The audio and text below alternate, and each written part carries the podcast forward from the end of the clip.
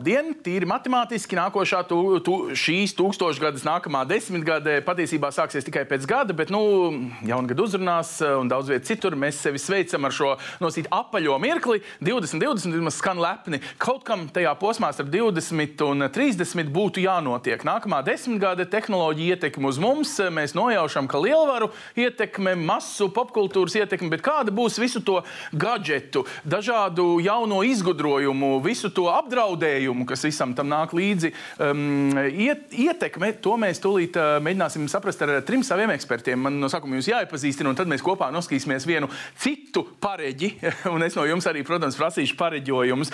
Tad uh, sāksim, ja tā drīkst teikt, ar seniorāko. Ja? Jūs esat ne tikai Modris Greitāns, kā elektronikas un datorzinātņu institūta vadītājs, bet šeit arī Latvijas Zinātņu akadēmijā esat akadēmiķis, ilgi strādājat ar šiem, un ar jūsu rokām un prātu ir daudz kas vadība, jūsu vadībā izgudrots arī no visiem šiem, ko mēs saucam par gadgetiem, kas atvieglo mūsu um, uh, dzīvi. Kirillis Soljos ir regulārs mūsu IT drošības jautājumos, uh, palīgs uh, izprast visus apdraudējumus nākamajā desmitgadē.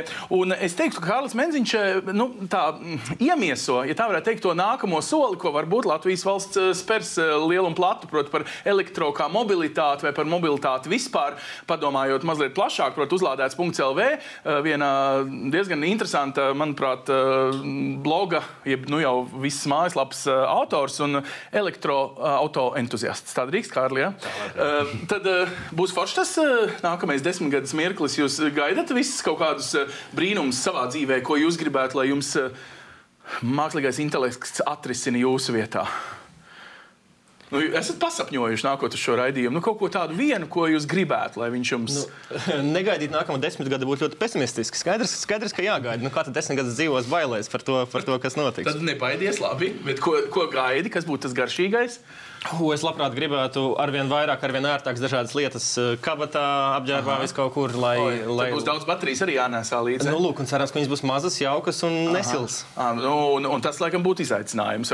Modri, kura dzīves joma jums gribētos, lai šī desmitgade atrisina jūsu, piemēram, komfortā? Jā, es varbūt tā kā jaunais gads nesen bijis, bišķi tādu vēl smaidu teikšu, ka to, ko es pirmkārt negribētu, es negribētu, lai man atņem darbu mākslīgais intelekts. Skaidrs, protams. Bet es, bet es neesmu no tiem, kas pārstāv to versijā, ka nu, mākslīgais intelekts atņems darbu. Bet tas, ko es gribētu, nu, līdzīgi kā Kirillis laikam teica, trīs lietas, kas cilvēkam dzīvē ir vajadzīgas.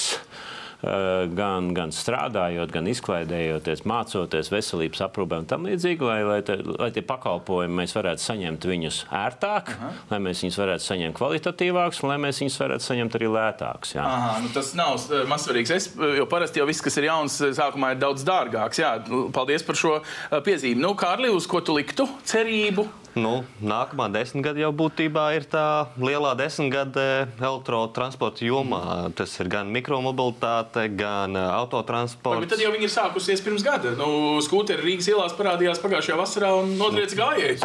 nu, tas ir sākums, jā, un nākamā desmitgade būtībā iznormalizēs visu situāciju. Un arī lielie transporti, kas ir traktori, lidmašīnas, kuģi, tu tikai nosauc to, un tas viss jau ir pārmaiņu posmā, un nākamā desmitgade gada būtībā būs tā pirmā nopietnā. Tad, tad, tad tavs nākamais lidojums, nezinu, kaut kādās slēpošanas brīvdienās varētu būt jau ar elektrolidmašīnu? Nu, tā, nu, ne, ne tik ātri varbūt, tas būtu ļoti jauki. Bet, nu, teiksim, Norvēģijā jau ir elektriskās lidmašīnas. Nu, Norvēģijā katra trešā nopirktā jaunā mašīna ir elektromašīna. Labi, arī par to mēs parunāsim. Paskatīsimies uz kādiem citiem pareģojumiem, ko starptautiskajā presē, iesākot šo skaisto 2020 gadu, ir pareģojuši citi pareģi. Darba pasaule nepārtraukti mainās. 65% no bērniem, kur uzsāk skolas gaitas sākuma skolā mūsdienās, darīs jaunus darbus, kas vēl pat neeksistē. Tehnoloģijas, kas vēl nav izgudrotas, risinās problēmas, kuru vēl nav. Jūs esat daļa no ceturtās industriālās revolūcijas. Tehnoloģijas mainās ātri. Tās ietekmē lielāko daļu no lietām, kuras darāt, un ietekmēs to, ko darīsiet nākotnē. Tas, ko domājat, ka ir moderns šobrīd, varētu būt novecojis pēc pieciem līdz desmit gadiem. Padomājiet, kā mainījusies mobilo telefonu attīstība pēdējo desmit gadu laikā. Padomājiet, kāda vēl varētu būt mobilo telefonu attīstība.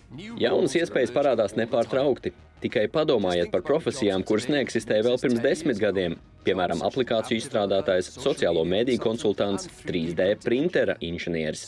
Lūk, dažas no nākotnes prognozēm, kā tehnoloģijas ietekmēs mūsu ikdienu. 10% no visām iegādātajām drēbēm pasaulē būs savienots ar internetu. 2026. gadā būs pieejams viedās drēbes, kas maina krāsu un formu un uztur siltumu vai atvēsina. Mākslīgais intelekts jau eksistē starp mums mūsu ikdienā. Lai gan ir paredzēts, ka mākslīgais intelekts pārņems dažas cilvēku profesijas, tomēr būs nepieciešami cilvēki, kas to kontrolēs un programmēs. Padomājiet par tiem, kas kontrolēs kosmosa robotus, policijas robotus vai kontrolēs robotus, kas operēs cilvēku. Tiek prognozēts, ka 15 gadu laikā mākslīgais intelekts un roboti darīs lietas, kuras esam pieraduši darīt paši - iepirkties, gatavot ēst, vadīt auto. Daži no darbiem, kurus darām šobrīd, tiks uzskatīti par augsta riska darbiem nākotnes tehnoloģijām. Darbs būs, taču citā tehnoloģiskā veidā. Un atcerieties, ka nākotnes darbiniekiem būs nepieciešamas iemaņas, kuras nav mākslīgajam intelektam - kritiskā domāšana, emocionālā inteliģence un radošums. Daži no digitālo tehnoloģiju darbiem - kiberdrošības speciālisti, lielo datu analītiķi, programmētāji, programmu inženieri. data analysts, coders, and software engineers. Padomājiet, digitālo tehnoloģiju darba vietas sāk plaukt. Nu, labi, tas ir, ja skatās no britu tādiem mm, skatu punktiem. No otras puses, es eh, tā. Nu, baidos gan arī tagad prasīt, jums ir kāds labs ieteikums, ko vajadzētu sākt mācīties pirmā kursa studentam, kas tūlīt pabeigs skolu pēc pāris mēnešiem. Un tā tad eh, vienīgais, ko mēs varam viņam pateikt, 65% gadījumu, ko tu iemācīsies, vispār nav pat vēl netiek universitātē mācīti. Ja? Labāk mācies valodas, emocionālo inteligenci un radošumu. Tas izklausījās no šiem pareģojumiem pareizi. Es teiktu, tur vēl bija kritiskā domāšana. Kritiskā. Tātad mākslīgais intelekts nebūs kritisks. Un, un, un tas, ko es ieteiktu, tiešām mācīties, na- nu, tāda priekšmeta nav un diez vai būs, ir domāšana. Jo, bet nu, priekšmeti, kas ir, kas palīdz domāt, tā noteikti laikam, ir matemātika, ko tomēr nevajadzētu, ko vajadzētu mācīties. Un tas varētu būt arī kaut kāds pa- papildus citas lietas, kas cilvēkam attīsta spēju radoši domāt, kritiski domāt. Bet tad, ja drīkst jums paprasīt, ko nevajag tad mācīties, varbūt eh, drīkst nemācīties kaut ko, lai tā vietā atbrīvotu smadzenēs gabaliņu, lai mācītos kritisko domāšanu vai emocionālo inteligenci. Nu, mums jau ir pārprodukcija ar ļoti daudzām profesijām. Var paskatīties, kur vairāk budžeta vies, tad tur nevajag iet. Ah, okay, tad, eh, jo vieglāks ceļš, jo faktiski nevajadzīgāks. Tā sanāk, ja? Arī Tur, kur tā tev maksā valsts, teikt. tur gan arī necenties iet. Nu, tā varētu pateikt, jā, bet vienkārši tā situācija ir tāda, ka mums ir ļoti daudz konkrēti profesiju pārstāvji, kurus mums tik daudz varbūt nevajadzētu no valsts subsidēt. Mm -hmm. Ko es par attiecībā par to, ko mācīties. Statistika rāda, ka tikai ceturtā daļa no tiem, kas izmācās kaut ko, viņi strādā arī tajā jomā. Mm -hmm, tā kā būtībā tu izvēlēsies par jebko, tu tur nestrādāsi. Mm -hmm. Tā kā labāk izvēlēties kaut ko, kas tev patīk. Un tas attīstīs to radošumu. Ja Tieši tu, tā. esot tajā patīk mākonī, kļūsti radošāks. Tā, vismaz ar Kirillu nenožēlojot, ko esat mācījies. Esat gatavs jaunajai desmitgadēji, un vai to profesiju vēl aizvien pēc desmit gadiem sauks eh, tā, kā tagad, ja jūs pat nezināt, ko jūs strādāsiet. Es pat nezinu, ko es tagad strādāju. Tas Ah, ir kiberdrošība ir tik plašs lauks, ka, ka, ka nevar saprast, vienā brīdī tu, tu kaut ko analizē, citā brīdī tu sniedz padomus, citā brīdī tu lauzi kaut ko uh, klientam. jā. esat bijis arī Baltais. tas Viennozīmīgi, un tā ir viena tām, ko mēs darām. Jā, jā, jā. Ok. Ļoti, ļoti interesants, ļoti interesants darbs, bet tāda, tāda viena šaura, nu, man viņa, man viņa nav. Nu, tā, par mācīšanos, tad, kad es pirms nu, jau 15 gadiem iestājos, iestājos augstskolā, mm, jāsaka, ka tie seši gadi, ko es pavadīju iegūstot maģistra grādu, nu, jau, jau tobrīd viņi nelikās pārāk aizraujoši. Es teiktu, ka skatoties uz nākotni, ja, tieši, ja mēs pieņemam, ka tehnoloģiskās, tehniskās profesijas ir tās, kur cilvēkiem būs jāstrādā, visas, kas ir radušās tagad, pateicoties internetam, pateicoties jaunajām tehnoloģijām, un tad pareizi atbild būtu mācīties visu, izņemot kaut ko konkrētu. Tātad, uh, Nu, izbeidziet, Vai- vajadzētu, saplīst. va- vajadzētu iemācīties mācīties. Tas arī viss. Tas ir vienīgais, ko vajag. Problēma ir tā, es neesmu pedagogs, bet problēma man šķiet ir tā, ka iemācīties mācīties. Neko nemācoties konkrēti nav iespējams. Līdz ar to kaut kas ir jāmācās. Lai mācās to, ko mācās, galvenais, lai programmas tiek atjauninātas visu laiku, ka viņas ir arvien adekvātas tam brīdim konkrētajam,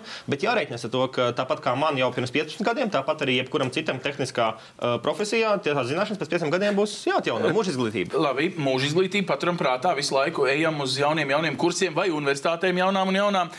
Em, Tad elektronikas un datorzinātņu institūts, kur jūs vadat pirms gada, Mēs ar jums tikāmies tur vienā filmēšanā, un es redzēju, kā jūs mācāt robotam atšķirt uh, to tūbiņu no tās tūbiņas, nu, lai robots sašķiro pa kastēm to ļoti vienkāršo manuālo darbu.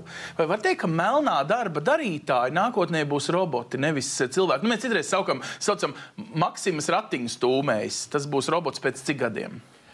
Nu, tas īstenībā ir labs jautājums, jā, jo, jo roboti nu, šobrīd diezgan plaši tiek izmantot, bet viņi tiek izmantoti vienveidīgi monotonu kustību atkārtošanai, Jā. darbību veikšanai. Mm -hmm. Tas, ko mēs savā institūtā darām, mēs skatāmies, protams, uz priekšu, uz to brīdi, ka robots nevis vienkārši atkārtos kaut kādas vienas un tās pašas darbības, bet spēs redzēt, kas notiek apkārt, spēs mm -hmm. pats pieņemt lēmumu izdarīt kaut kādus secinājumus, apmācīties tālāk, ko darīt. Tad, tad nu, jau palikt eh, gudrāks um, un, un radošāks. Savas ziņā. dzīves laikā pats palikt gudrāks, pats sevi apgleznot. Mēs laikam teiktu. Un es pateikšu, kāpēc. Eh, es redzu, ka es, es tā ļoti neparedzu to, ka tādas eh, lētas un vienkāršas profesijas pazudīs. Tāpēc, skatās vismaz tuvākajos gados noteikti ne, tāpēc, ka mm, runājot ar industrijas pārstāvjiem un, teiksim, skatoties un rēķinot, ne, lai šobrīd atmaksātu tos aizstāt cilvēki, sevišķi Latvijā, darba spēku ar robotu, tās investīcijas ir tik lielas, ka Nu, šobrīd, kā teiksim, ir kolēģi no industrijas apmēram rēķinājuši ar to, lai, lai tas atmaksātos, ir nu, vismaz 1000 eiro alga jāmaksā šim Pagaidi, cilvēkam. Bet robots strādās trīs maiņas bez apstājas. Cilvēkam ir 8 stundu darbdiena, un blakus ir arotbiedrība, kas tam darba devējam saka, tu nedrīkst viņu nodarbināt. Bet robotam arotbiedrības nav. Viņš strādās trīs Pagaidām, maiņās. Jā, bet nu, tās investīcijas, kas ir pie šobrīdējām robotu cenām, pie tā, ka jums vajag tomēr to robotu. Jūs nevarat nopirkt uh, robotu. Viņš pats atnāk un maksimā stumj, visās maksimā stumj ratiņas. Jā. Jā. Tad viņš ir jāapmāca konkrētajam uh -huh. veikalam, konkrētām darbībām. Tas viss prasa ieguldījums.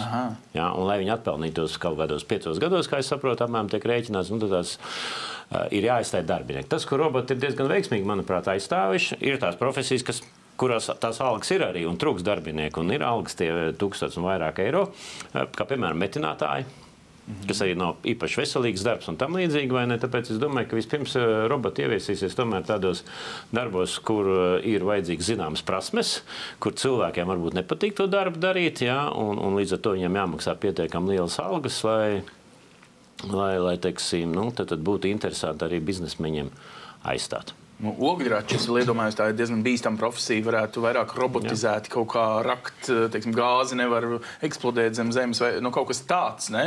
Uh, nu, tad būtībā jūs sakat, tādā nu, ražošanā, tā kā mēs to saprotam, industrijā, nevis mūsu apkalpojušā servisā roboti mums atvērs durvis Šveicaru vietā un, un tam līdzīgas lietas. Ka... Arī glābšanas operācijas. Ah, jā, kā teiksim, jūrā. kas nesen notika Japānā. Viņi jau sāka izmantot šos robotus, lai skautotu, vai ir cilvēki tur iekšā vēl. Arī un Fukushimas traģēdijā, man liekas, arī. Jā. Jā. Uh, labi, tā ir tā viena daļa. Tagad pakāpjamies par to, kas viņus baros, kur mēs dabūsim. Un tur, man liekas, elektromobilitāte ir tas ļaunums sakne, jo uh, tie bērni, kas kobaltu roka Āfrikā, uh, ir līdzvainīgi pie nu, mūsu vēlmes elektriski pārvietoties. Pareizi.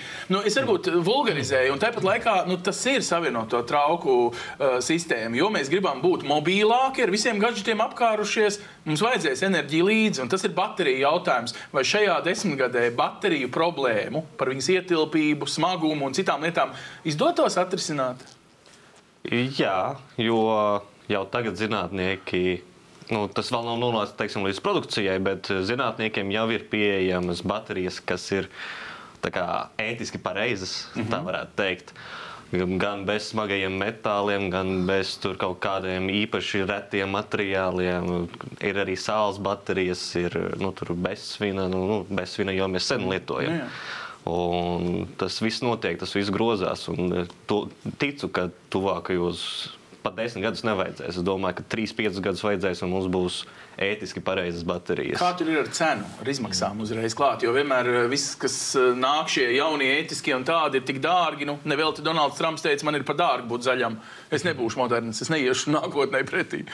Tā ir. Jā, pir, pirmais vilnis ir tas entuziastu vilnis, kas, kuri var maksāt dārgāk, eh, nu, vairāk.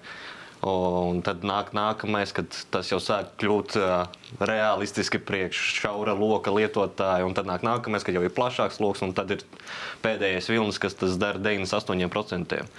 Līdz ar to jau elektroautorāts ir šajā trešajā Mhm. vilnī, kad tas uh, ir plašākam lokam pieejams. Uh, varbūt vēl daudz par to nezinām, bet tā tas ir. Un nākamais gads to vēlreiz pierādīs. Tad nākamajā gadā daudz dažādi jauni teikt, modeļi, kas jau tuvināsies tai cenai, ja tu pēc jauna mašīna ar iekšdedzi zinēju vai jaunu ar elektromotoru, jau jārēķina līdzi vai nesanāk tomēr tā elektrība iedzīvāk. Tāda doma. Jā, teiksim, Renault vai Dacia. Es nezinu, kāds tieši ir emblēma būs priekšā šai mašīnai, bet uh, tam cena būs eh, starp 10 un 15 tūkstošiem eiro. Un tad, kad tev ir jāizvēlas starp 10 un 15 tūkstošiem eiro mašīna jauna, nu tad, ja tu vari izvēlēties elektrisko vai iekšdedzes, es ticu, ka ļoti daudz izvēlēsies elektrisko. Un te mēs runājam par tuvākajiem diviem, trim gadiem, ja nevis par Tas nākamajiem desmit. šogad vai nākamgad. Wow! Wow. Labi, izklausās forši. Nu, labi, nu, un tam visam klātā bateriju problēma kā atkarīgums no viņām. Tu pats jau minēji, ka tu vēlētos kustēties pa pasauli, būt apkarināts ar, ar visiem gadgetiem. Tev neuztrauc, ka mūsu pārvietošanās būs arvien smagāka. Es. Es domāju, lai tur strādā cilvēki, kas strādā ar baterijām. Man, man nav, nav ne jausmas, kā var sagatavot eh, mazāk. Es ļoti priecājos, ka beidzot tirgu ir parādījušies barošanas bloki datoriem, mm -hmm. telefoniem četreiz mazāki nekā šobrīd. Tas nozīmē, ka mēs varam tādu kārtīgu datoru paņemt, un viņas barošanas bloks ir mazāks. Tas ir baigi forši.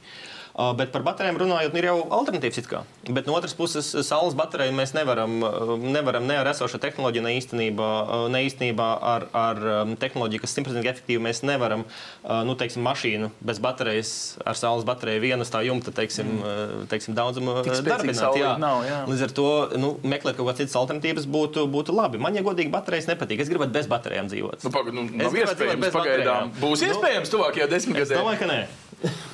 Nu, Pie tā jau strādāja. Jau bija prototypi pirms diviem, trim gadiem. kad tev telefons- mobile. Nē, kad tev uz galda stāv kaut kāda ierīcīte, kas izdod bezvadu signālu, kas visu laiku lādē tavu telefonu. Ah, tā kā Ah, radio signāls, bet, bet telefona baterija. Nu, labi, bet tas tik un tā, tu atrodies kaut kur pilsētā, mm. mūžīgā radiācijā. Nu, savā ziņā jau tagad cilvēki uztraucās, ka viņiem apkārt ir tik daudz Wi-Fi tīkla, ka enti sazina, vai viņi spīdēs, kad tiks apglabāti, vai kas notiks ar viņiem. Nu, tad ir jautājums, atkal, cik tev stipru to signālu vajag. Ja tā teiksim, ir drēbe, kas tev, nezinu, varbūt kaut kā drusku tur vajag ļoti maziņu tur elektrisko signālu, tad varbūt viņai pietiek ar to pašu radio signālu. Nu, jā, tādā ziņā, ka mēs arī citreiz pārspīlējam. Ne? Līdzīgi ar elektromobīļiem cilvēkiem visiem vajag uzreiz aizbraukt 1000 km ar vienu uzlādi. Kaut gan nu, reāli jau neviens tūkstotis nevar nosēdēt pie stūres, vajag pa ceļam apstāties. Labi, Modri, kas jūs visvairāk eh, uztrauc no šīs it kā mūžīgās problēmas, eh, ka cilvēki grib ērtāku dzīvi, bet nu, varbūt arī ir gatavi. Nu, kaut kur riskēt ar nezināmo tajā, nu, mums bija tas joks pagājušajā gadā par to cepurīti jā, ar antenu galā, kas aizsargā pret 5G. Nu, proti, ka cilvēkiem acīm redzami bija arī kaut kur bailes no tiem jaunajiem lietu internetu labumiem, ko tie nesīs. Nu, tā tad ērtā gribas, vairāk uh, ērtību un vienlaikus visi tie aizspriedumi, kas nāk pretī. Nu, no manas viedokļa es teikšu, tā, jā, es varbūt tādās tehnoloģijās esmu vairāk uh, iesaistīts un zinošs šai ziņā, vai ne man tā kā 5G ar, ar visiem saviem mistiskiem starojumiem un tam līdzīgi nebaida. Bet ir viena cita lieta, kas nāk līdzi ar visiem šiem gadgetiem un tam līdzīgām lietām, tas ir privātuma zaudēšana. Mm.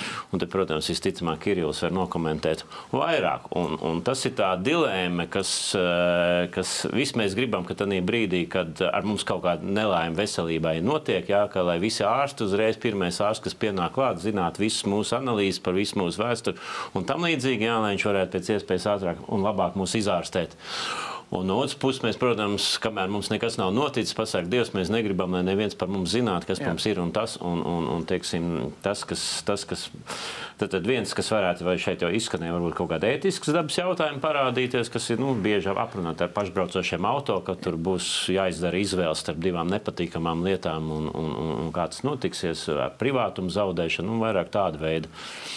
Bet ir slikti no tāda mākslīgā intelekta viedokļa? Mākslīgais intelekts varēs loģiskāk visu mums saplānot. Viņš varēs pateikt, hei, tu parasti iemosties 7.08 un izēj no mājas tur eh, tikos, tikos. Tu mazāk stāvi sastrēgumā, tāpēc, vecīt, mosties 10 minūtes agrāk, tev būs produktīvāka diena, varēs ātrāk aiziet gulēt. Nu, eh, jo vairāk datu, jo vairāk kaut kādas gudrības var no viņiem izvilkt. Nu, te, te mēs pieskaramies jau tādām bišķi tehnoloģiskākām lietām, jā, jo ir visi lieto mākslīgais intelekts, mākslīgais intelekts, un tas ietver, nu, dažādas izpratnes mm un dažādas lietas. Ne? Ir tā, neiedziļinoties varbūt niansēs, ir, protams, tās divas versijas. Ir, uh, Latvijas tad viņš laikam skanētu stiprais mākslīgais mm. intelekts un vājais mākslīgais intelekts, kur stiprais tad būtu tas, ka viņš nu, ir spējīgs kā cilvēks nu, pietiekami universāls darboties un, un, un aizstāt cilvēku. Un, un vājā, vājā izpratnē tas ir tā, ka nu, viņš konkrēti uzdevums spēj darīt vai ne, bet, bet neko citu no cilvēka nespēja. Bet, jebkurā gadījumā, tas, kas ir visa mākslīgā intelekta pamatu pamats, ir dati.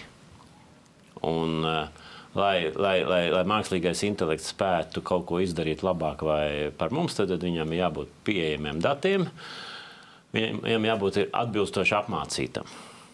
Un to šobrīd, nu, tā ir tā problēma, ko es redzu, kas cer atrisināsies nākamajā desmitgadē, varētu atrisināties, jo šobrīd mākslīgais intelekts apmācība aizņem krietni, krietni lielāku laiku nekā cilvēka apmācība. Bet jūs paši esat novērojuši tendenci, ka mēs vairs tik ļoti neturamies pie autortiesībām, jo zinām, ka vai nu piedodiet ķīnieši vai kāds cits internetā mums viņu nozags tā kā tā agrāk vai vēlāk to mūsu īpašo izgudrojumu. Vai šeit nav kaut kas līdzīgs, ka Eiropa pēdējos gados ieliekot sev to GDPR regulu, ja, to regulu, ka visi dati ir jāaizsargā pret visiem, arī pašam pret sevi. Nav iešāvusi sev kājā, līdzīgi kā nu, citi saka, arī klimata politikā. Mēs neizglābsim pasauli, pat ja paši kļūsim zaļāki un pie mums būs svaigāks gaiss. Es aizvien laikam esmu zaļais sirdī, bet eh, nu, eh, no kritikas viedokļa skatoties, vai nesnāk tā, ka tā pārspīlētā datu aizsardzība patiesībā slāpē mākslīgā intelektu un visādu tehnoloģisku risinājumu attīstību. Nu, es noteikti piekrītu par klimata politiku, kur tiešām Eiropas Savienība, kā viena no divām valstīm, kas tomēr uztur to savu um, apņemšanos, jā. samazināt izmešus. Um, sev iešaukājām. Bet, ja runā par GDPR, Latvijā GDPR analogs ir bijis jau no 2001. gada. Jā, ja? dat, um, fiziskā persona datu aizsardzības likums. Un jā. tikai sodi bija mazāki. Ah, uh, bet viss bija kārtībā. Un kāpēc šeit Eiropas Savienība savu neiešaukāja? Jo tas attiecas uz Eiropas Savienības pilsoņiem. Tas nozīmē, mēs, ka teiksim, um, uzņēmēji Eiropas Savienībā, mēs joprojām varam ņemt datus ne no Eiropas Savienības un ar viņiem, ar viņiem strādāt un darboties, jo tas aizsargā tieši Eiropas Savienības iedzīvotājus šis GDPR. Nu jā, ja? Tad mēs izstrādājam tehnoloģiju priekš pasaules, bet iespējams sev piemērot vai vismaz trenēt.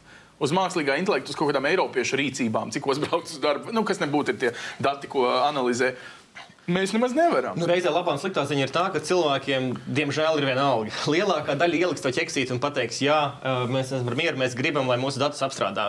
Tā kā, tā kā tu teici, es gribu zināt, cik no rīta izbraukt no mājām vislabāk, lai, jā. lai paspētu tur, kur jāpaspēj. Es ielieku ķeksīt, jā, ka es, es to gribu un es to varu dabūt tikai tad, ja es dalos tiem datiem. Un tā ir, tā ir liela problēma īstenībā, ka šie cilvēki, kas, nu, teiksim, mīl savu privātumu, kas vēlas viņu pasargāt, viņi tiek nospiesti tādā, tādā marginālā pozīcijā, kur, kur nu, viņi īsti nevar funkcionēt un nevar iegūt visus šos labumus, ko mēs esam ieguvuši pēdējā desmit gadē un iegūsim nākamajā desmit gadē. Tev liktos, ka ir vērts pie šīs Eiropas vērtības kā sasnieguma, un ir dzirdēts, protams, ka citas pasaules daļas arī domā par to, ka lūk, Eiropiešu šī datu aizsardzības regula nu, ir kaut kas, uz ko jā, tiekties jā. arī citām pasaules daļām. Tikko, tikko viens štats, ja nemaldos, Kalifornija no 1. janvāra ieviesa to pašu. Nu, tā, tā, tā ir tā vērtība, kas mūs vedīs, bet tas, vai viņi apdraud vai neapdraud nu, nez, nezinu, nu, kaut kādu tehnoloģiju attīstību. Es tomēr gribētu nu, no savu viedokli piebilst. Ja jūs te runājat par to vienu, ka nu, datus nedosim, datus nedosim. Es, es gribu teikt, ka tai regulēji. Varbūt tur viss nav ļoti perfekti, bet nu, tomēr tas, kas ir vajadzīgs, vajadzīgs kontrolēt. Kam un kur un kā, un, un, un kā tie dati tiek uh, doti. Tā skaitā arī šeit ir nu, iespēja pašam cilvēkam kontrolēt un, un uzzināt mm. par to, kāda data un kur ir. Ja mēs runājam par nākamās desmitgades mākslīgā intelekta at attīstību, kā es teicu, nu, pamats ir dati. Šobrīd tas, kas ir veiksmīgi attīstījies, mums Google ļoti veiksmīgi reklāmas piemeklē un atrod, tāpēc, Jā. ka viņiem ir mūsu dati. Tur es pieļauju, bankas arī pietiekami daudz datu ir. Nu, tie ir dati, ko uzņēmumi ir savākuši no mums un, un tagad nu, nekontrolēti līdz šim, jau nezinām, savākuši. Un tad viņi var izmantot un, un piedāvāt. Un un, un, un, un, un tos pakalpojumus un attīstīt. Ja mēs skatāmies nākamo desmitgadu, tad, manuprāt, vajadzētu notikt tam, tam brīdim, kad arī valstis sāk nu, valstiski vai politiski skatīties, kā attīstīt, kur attīstīt uh, mākslīgā intelekta paņēmienu pielietošanu un ko darīt ar datiem. Un valstī šeit ir nu, krietni lielāks iespējas iegūt visu cilvēku datus, un tad arī attiecīgi, nu, es ļoti ceru, ka pārdomāti kaut kā menedžēt. Jā. Labi, tagad liekam vienkārši daudz punktu tāpēc, ka reklāmas pauze, bet secinājums pirmajai daļai ir tāds, ka valsts loma pieaugs, pieaugot arī tehnoloģiskam progresam. Tā sanāk, vai ne? Pēc reklāmas pauzes tūlīt mēs noskaidrosim, kas savukārt mainīsies mūsu mobilitātes paradumos.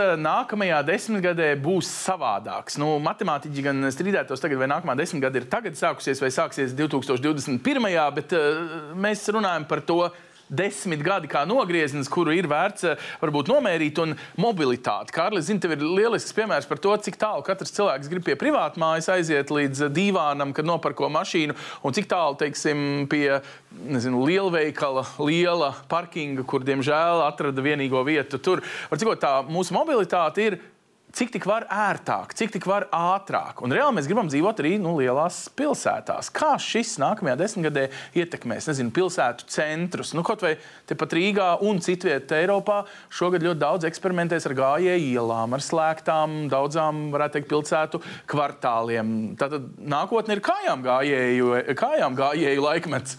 Jā, savā ziņā, jā.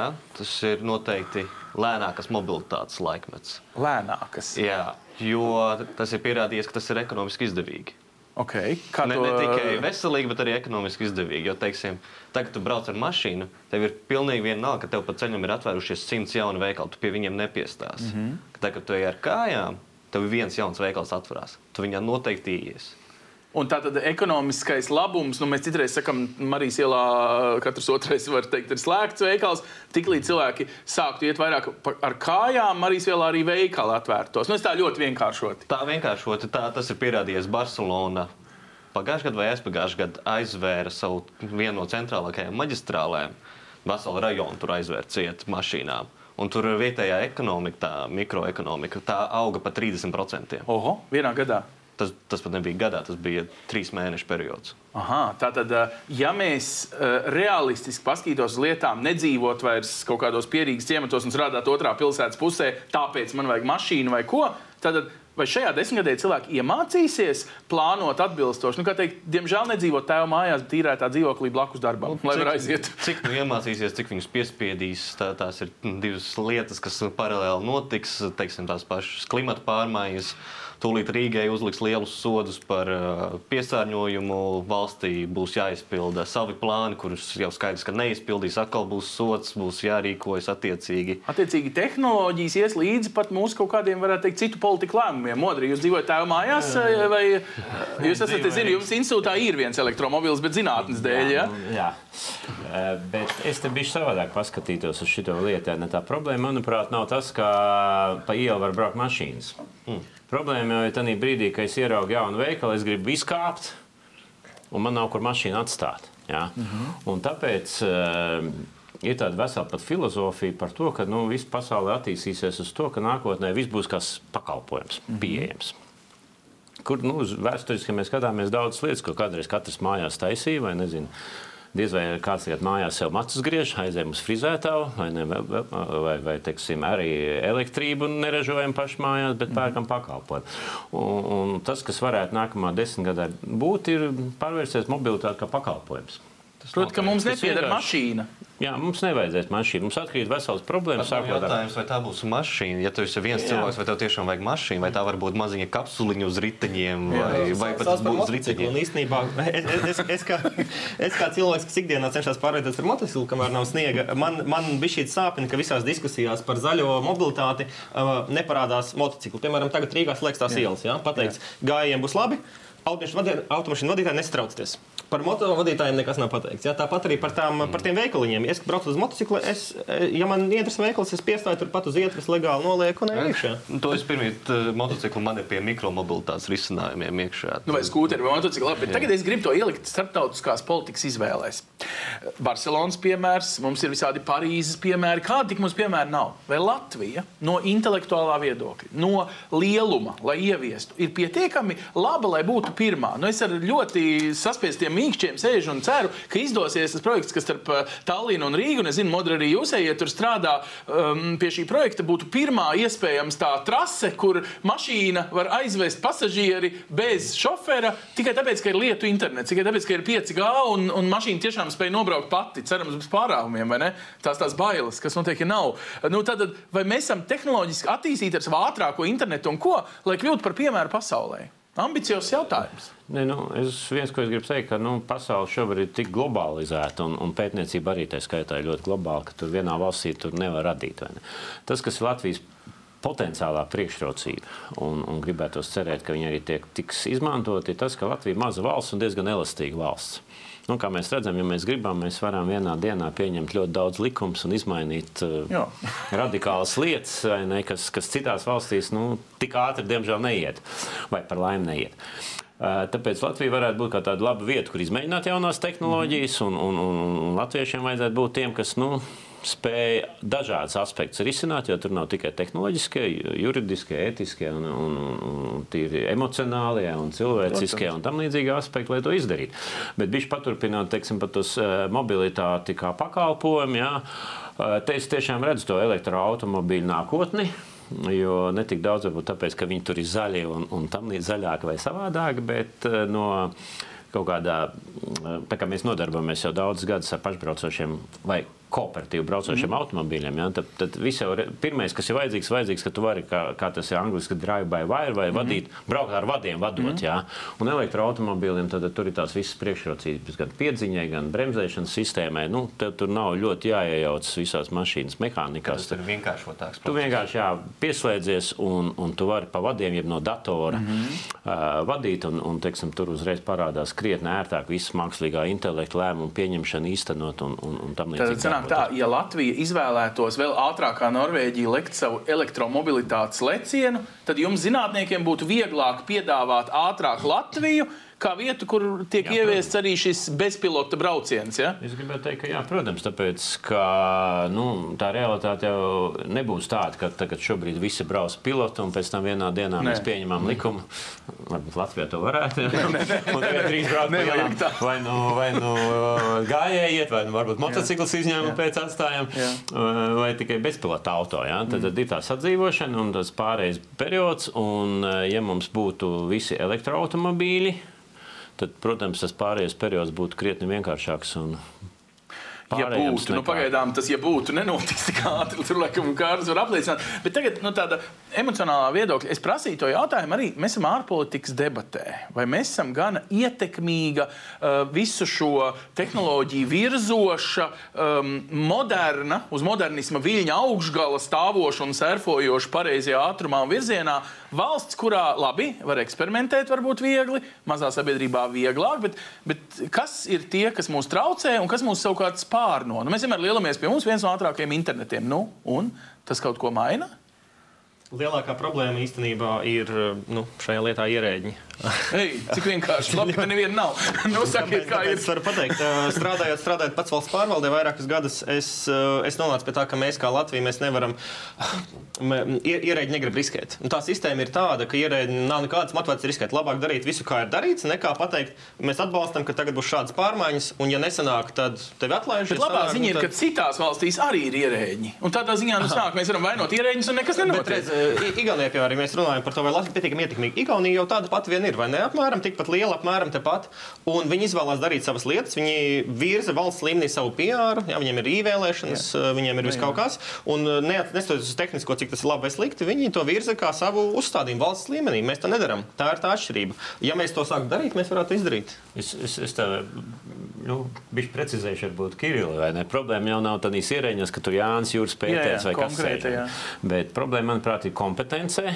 Jā, un kā Kirillis pareizi teica, un jo tev ir mazāk kompetence, jo tev ir lielāks bailes riskēt. Ja pareizi sakot, jo tu esi kompetentāks, jo tev tas, nu, faktiski tas, tas, kas vienam ir risks, jo es nekā nesaprotu, vai darīsim tā vai tā, Mhm. kā to izvēlēties, bet es saprotu, es zinu, ka tur ir pareizi darīt, un, un, un Bet tas risks.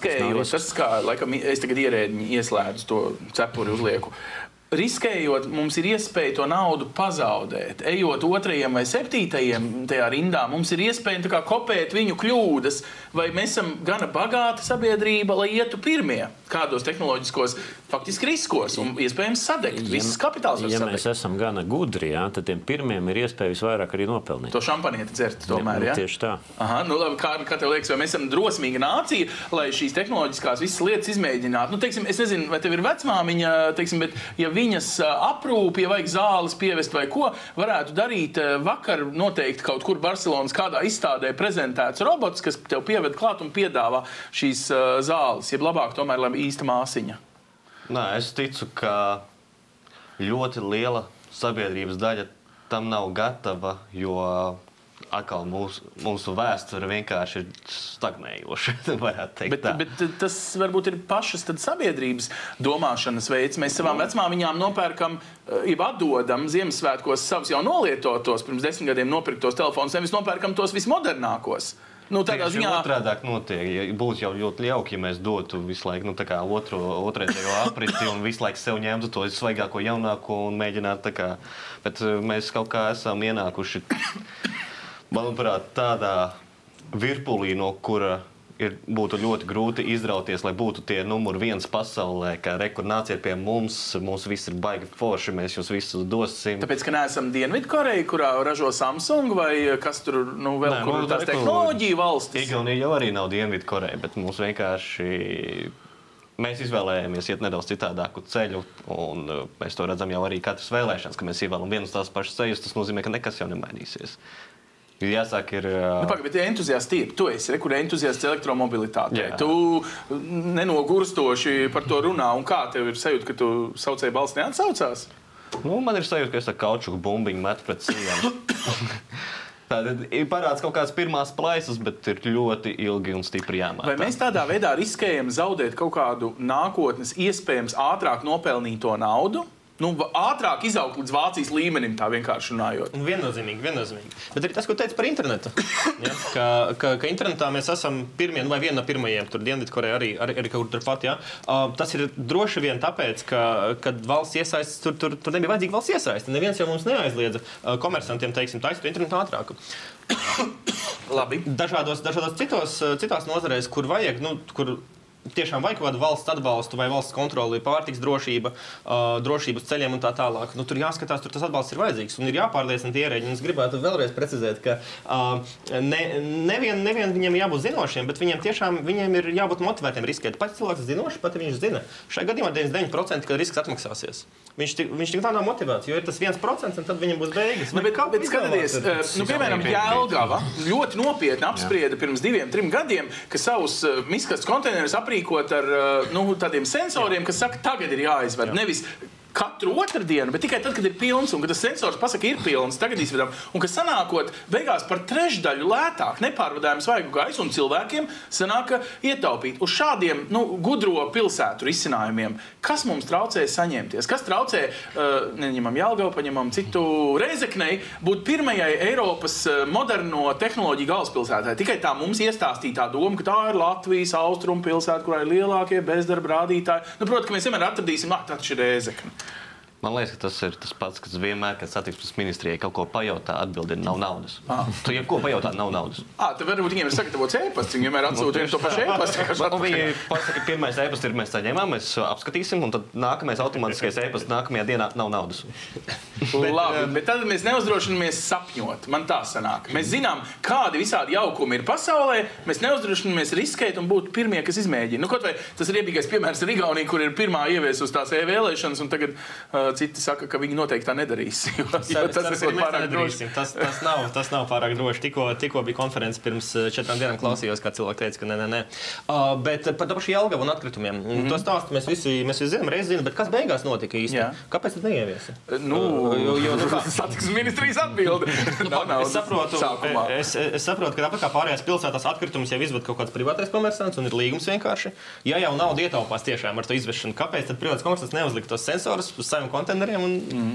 Labi, tas ir tādā Latvijas līmenī. Ejam atpakaļ uz pasaules līmeni. Un tur, kas, protams, man uztrauc, ir tie 60% cilvēki, kuri patiesībā nezina, kādās profesijās un ko viņi uh, strādās un uh, mācīsies. Nu, viens ir tas, ko ieteikt konkrētam Jānim Pēterim vai Līzei, kura tagad ir pirmā kursa studente. Bet kā dzīvot tai sabiedrībai, nu, kura pat varbūt nekad negribēs iet tajās mūža izglītības programmās, nevarēs, atkal izdomās, ka nav naudas, vai kā? Vai šis pārējais posms, kad par ceļu tā idejiski runājot, brauks vecie dīzeļi un jaunie bezpilotnieki, un daži vēl elektro, un daži varbūt lidos pa gaisu.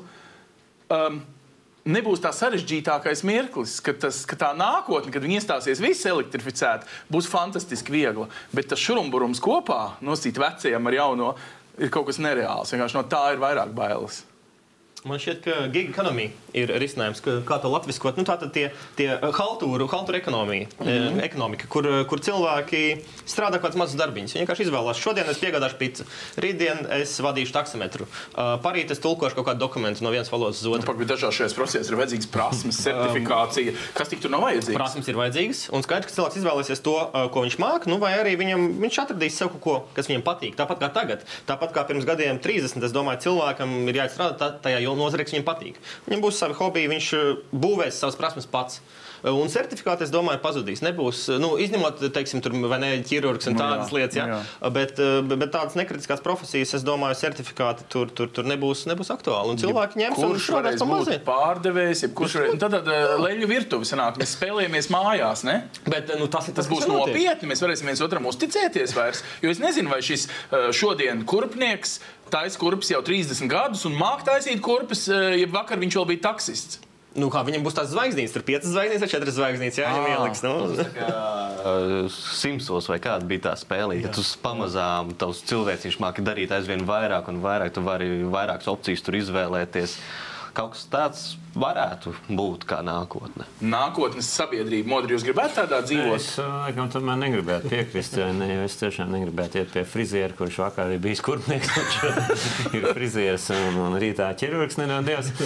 Uh, Bet tas, kur es gribu piekrist Kirillam, ir tas, ka jā, nu, vajadzētu, protams, tādā ideālā nākotnē būt tā, ka mēs katrs varētu strādāt to, kas mums patīk. Un, ja mēs strādājam to, kas mums patīk, tad mēs arī nu, kļūstam profesionāli. Tad mēs tur iepazīstam un, un, un, un, un, un visādas niansītas un tam līdzīgi.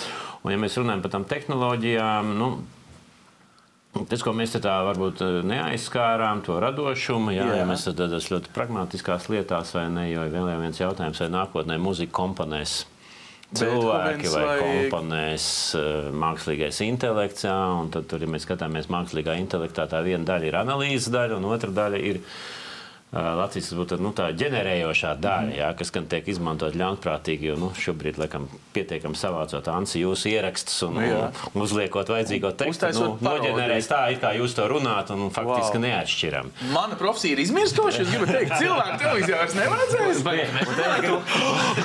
Šis ir mans nelaimīgākais redzējums mūžā. Un te es gribēju pateikt, tā, ka izmirstot, laikam, ir tas kaut kāds tomēr tāds, nu, pietiekami profesionāls, bet tāds zināms līmenis. Bet tas, kas noteikti paliks, būs tas nu, augstās ekscelences līmenis, jo tās tehnoloģijas. viņas Bet visi nevar būt ekscelenti. Jūs ļoti- taču zināt, ka labi eh, karavadoņi, ir labi zinātnieki, ir labi, ir 5% no nācijas. Ko darīs atlikusī 95% daļa, kura gribēs ēst, kurai uh, totāli nav saprotams, kā sauc viņu nākotnes profesiju, ko tagad mācīties? Jūs teicāt, valodas radošumu, kritisko domāšanu. Citi to nevar iemācīties. Mekl, meklēs tādu jomu, kurā viņi tomēr spējīgi to lietu izdarīt labāk nekā nu, tātad tehnoloģijas.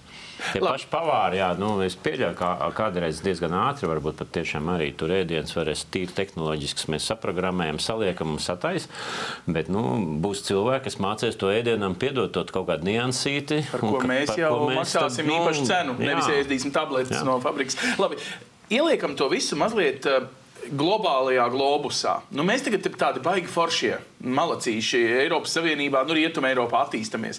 Bet reālais bats, nabadzība, karš, eh, sausums, ko vēl varētu pielikt klāt, notiek tur, kur dzīvo lielākā daļa civilizācijas uz šīs planētas. Viņi automātiski krīt ārā no šiem skaistumiem, ko mēs sev šeit buram, kā nākotnes uh, pareģojums. Jo viņi varbūt, es atvainojos, līdz skolai ābec iemācīties, var netikt savus bērnus aizvest. Kur nu vēl radošumu? Jā, un nē. Nu, Tas eh, pirmais vilnis eh, viņus varbūt pat eh, nedaudz sapurinās, tā teikt, eh, ka viņi nesapratīs, vai palika labāk vai sliktāk. Bet eh, mēs redzam arī pēc statistikas, ka tie cilvēki, kas ir badā, viņu kļūst mazāk. Nu, tā, nu, pro- proporcionāli, jā. Līdz ar to, nu, var, to var novelt arī uz tehnoloģisko attīstību. Nu, citiem vārdiem ir cilvēki, kas skolā nekad nav no grāmatām mācījušies, jo Āfrikas bušmeņa ciematiņā tika ar labiem nodomiem no Eiropas atsūtīti skaisti datori, ko ar saules paneļiem uzlādēja. Un vienam bušmeņa ciemam uz vienu ciemu izsniedz mobilo telefonu. un Viņi nevienmēr zina noskaidrot dzējoli, bet uh, māca pa telefonu piezvanīt un kaut kādas lietas kārtot, norēķināties. Jūs sakat, ka tehnoloģiskais progress aizstās dažas lietas, ko mēs akadēmiski līdz šim apguvām teikt, no pirmās klases. Ja? Nu, jā, jā, nē, nu, tur negluži jā, bet lasīt jau vajadzētu mācīt. Bet uh, kaut kādas funkcijas, kas agrāk likās kā vitālas, tās varētu aizstāt. Tad nevienlīdzību tas viss nevairos. Nu, to ir ļoti grūti protams, paredzēt. Es nesen atgriezos no Ķīnas, un tur ir runa, kur visvairāk dzīvo Jā. cilvēki. Visvairāk Jā. cilvēki dzīvo Ķīnā. un Jāsaka, ka viņiem tehnoloģijas attīstās ļoti, ļoti strauji un tam līdzīgi. Un tāds viens piemērs ir, ko runāju ar Ķīnas lielāko servisu vai pakalpojumu, tad robotu uh, fabrikus uh, nu, tad, tad vadītājiem. Ja? Un viņiem šobrīd ļoti liels pieprasījums ir tos robotus izmantot angļu valodas skolotāju vietā. Ka ķīnieši mācās angļu valodu. nu, Uz viņi vietas valstī. Ja? sapratuši, jā, ka valstī viņiem jāmācās angļu valoda, un skolotāji viņiem pietrūkst. Uz to ja mēs gribam visus viņus tiešām apgūt, un tas varētu būt arī citu mācību priekšmetu, vai ne? Jā, kur, teiksim, jā, viņiem šis robots eh, kaut kādā līmenī, un kā viņi paši bija novērtējuši šobrīd jau, eh, ka viņš ir eh, labāks par 20% dzīvo pasniedzēji. Mm. Zinot Ķīnas angļu valodas līmeni, brīnos. Jā, nē, Pagaid, es pagaid, bet atteikšu, 20% jā. kur tas ieguvums ir ilgāka stunda, baterija ilgāk tur nekā pacietība. Kvalitatīvāk iemāca, kvalitatīvāk iemāca angļu valodu ķīniešu bērniem nekā nu, tad, tad dzīvēs eh, pasniedzējs. Ārprāts angļu valodas skolotāji tagad izslēdz televizors, laikam no Eh, dusmām. Nē, nē, nu, tur atkal ir tāda. Nu, viņi ļoti daudz, viņiem tiešām ja viņi grib visus apmācīt. Nu, viņiem tas ir milzīgs eh, tas skolotāju skaits vajadzīgs. Tāpēc es domāju, ka. Kā jau iepriekš teicu, varbūt kaut kādā ļoti augstā profesionālā līmenī, jā, nu, tur būs vajadzīgi cilvēki. un Es, tic, es gan ticu, ka katrs cilvēks savā jomā ir izcils. Varbūt izcils vajag tikai to jomā. Tikai tas, ko jūs sakat, man visu laiku ausīs skan, notiks ekscelenta noslāņošanās. Agrāk, ja tu esi biezais, tad tavs bērns iet labā skolā, un tavs bērns arī var būt biezais, bet, bet tāds pats čalis, kas piedzima tās pašas pilsētas kalpu galā. Ja? Nekad netika skolā, un viņš nekad netika arī pie nu, zināšanām, pie iespējas kļūt par vēl vienu Newtonu, par vēl vienu eh, kaut ko. Nesanāk tā, ka tie, kas tagad mēs cerams, paspēsim ielikt šajā tehnoloģiskā progresā, būsim tie gudriņie un tajā labklājības līmenī, un tie pārējie paliks kalpi. Nu, Es nodarām, gribēju teikt, ka tehnoloģijas jau palīdzēs visiem gūt izglītību. Ja mēs kā cilvēki būsim nu, sirsnīgi pret viņām, nav tā, ka mēs tās tehnoloģijas izmantosim savam labumam, savai ērtībai, bagātībai un citām. Nevis lai dalītos ar citiem šajā labumā, kuru saražoja roboti mūsu vietā. Tas jau ir politiskais jautājums. tas, ir, tas ir noteikti jāizdara. Ja, mēs runājam par um, attīstītām vai tehnoloģiski uh, attīstošām, kurš šobrīd attīstās valstis, tā skaitā Ķīna, uh, es domāju, ka viņiem visiem tas nāks par labu. Tieši tā, jo tehnoloģijas tur ir uh, un viņi izmanto to sabiedrības labumu. Un mums vajadzētu pat skatīties, varbūt uz, nu, ko darīt tiem 65% cilvēku, kuri nezina, kur strādāt. Varbūt viņiem nevajag strādāt. Varbūt viņiem vajag strādāt trīs no piecām dienām nedēļā, nu, no septiņām dienām nedēļā. Sociālisms. Roboti uzbūvēs sociālismu. Jo, nu kā, nu, nu, no ko darīt? Tad darba tik daudz nav, un sabiedrība ir pietiekami, pietiekami pabarota. Varbūt tas tiešām nav vajadzīgs. Bet savukārt otrā pusē, ja mēs runājam par tām valstīm, kur arī ir daudz iedzīvotāju, bet ne Ķīna, kas ir trešās pasaules valstis, es domāju, ka tur nu, tas tehnoloģiju progresa process nav tik globāls, kā varētu domāt. Uh, tas neko daudz neietekmēs. Jo uh, tas, ko Modris sarunas sākumā teica, uh, Latvijā nav pārāk jāstraucās par to, ka roboti aizvietos mazāk apmaksātus darbus, jo tas ir pārāk dārgi. Cik tajās valstīs ir alga tiem cilvēkiem? Tur tie roboti, nu, kad viņi parādīsies. Ja? Jā. Uh, tā kā es domāju, tur viņiem nav jāstraucās. Viņi, diemžēl, vai par laimi, būs palikuši vēl, vēl paliks kādu laiku, desmit gadus vismaz ārpus tā visa. Nu jā, tā notika arī iepriekšējos gadsimtos. Man ir jums katram tikai viena, viena atbilde, iespējams. Pasakiet to rīku vai gadgetu, vai nu, kā viņu varētu nosaukt, ko jūs gribētu sev, ja jūs tagad nauda nav ierobežojums, bet nākamo, ko jūs gribat savā īpašumā, lai jūsu dzīvi atvieglotu. Ko jūs vēlaties? Es tagad klausos, esmu Ziemassvētku vecīts. Mums nemaz nav tik daudz laika vairs. Man pēdējā minūte aizgāja. Jūs ilgi nedomājat, lūdzu, sakiet uzreiz. Nākamais, ko jūs gribat? Kā puiši, kuriem vajag gadgetu? Tāda tiešām vieda māja. Vieda māja. Nevis tas, ko vieda. tagad reklamē Jā. tie TEC un Latvijas un Labi. visi tie pārējie, Ideāli. bet tiešām vieda. Ideāli. Kaut nu piepildītos Kārlis Turīšs. Es, es saprotu, ka mēs drīkstam arī fantazēt. protams. jā. Es noteikti gribētu tad, tad laika mašīnu vai kaut ko Ok, tādu, kas man ideāli. dod vairāk laika, lai es varētu paspēt vairāk izdarīt. atpakaļ uz priekšu? Nē, neaizsūtīt, palēnināt laiku man. Palielināt. Nebūtu slikti reizēm arī aizsūtīt. Modri kaut izdotos. Labi, un jums? Es gribu ērtu, mazu un klusu tādu kā lidmašīnīti, ko var uzlikt tā kā, tā kā varbūt mugurā un, un pagājis aizlidot tur, kur vajag. Ideāli. Un tad jūs vienmēr būsiet visur laikā, kur mēs jūs aicinām. Mēs aicināsim vēl uz šo sarunu. Arī man tāda noturēta. Labi. eh, Es eh, ceru, ka jūs saprotat, ka šis gada iesākums ir eh, kā doma, ka mēs esam saistītā mm, mikrovidē un šeit rietumos drīkstam sapņot par šīm lietām kopā. un Tas dos mums ekonomisko uzrāvienu. Reālajai starptautiskajai politikai pievērsīsimies jau nākamajā nedēļā. Tiekamies pēc nedēļas uz redzēšanos. Paldies, liels! Paldies!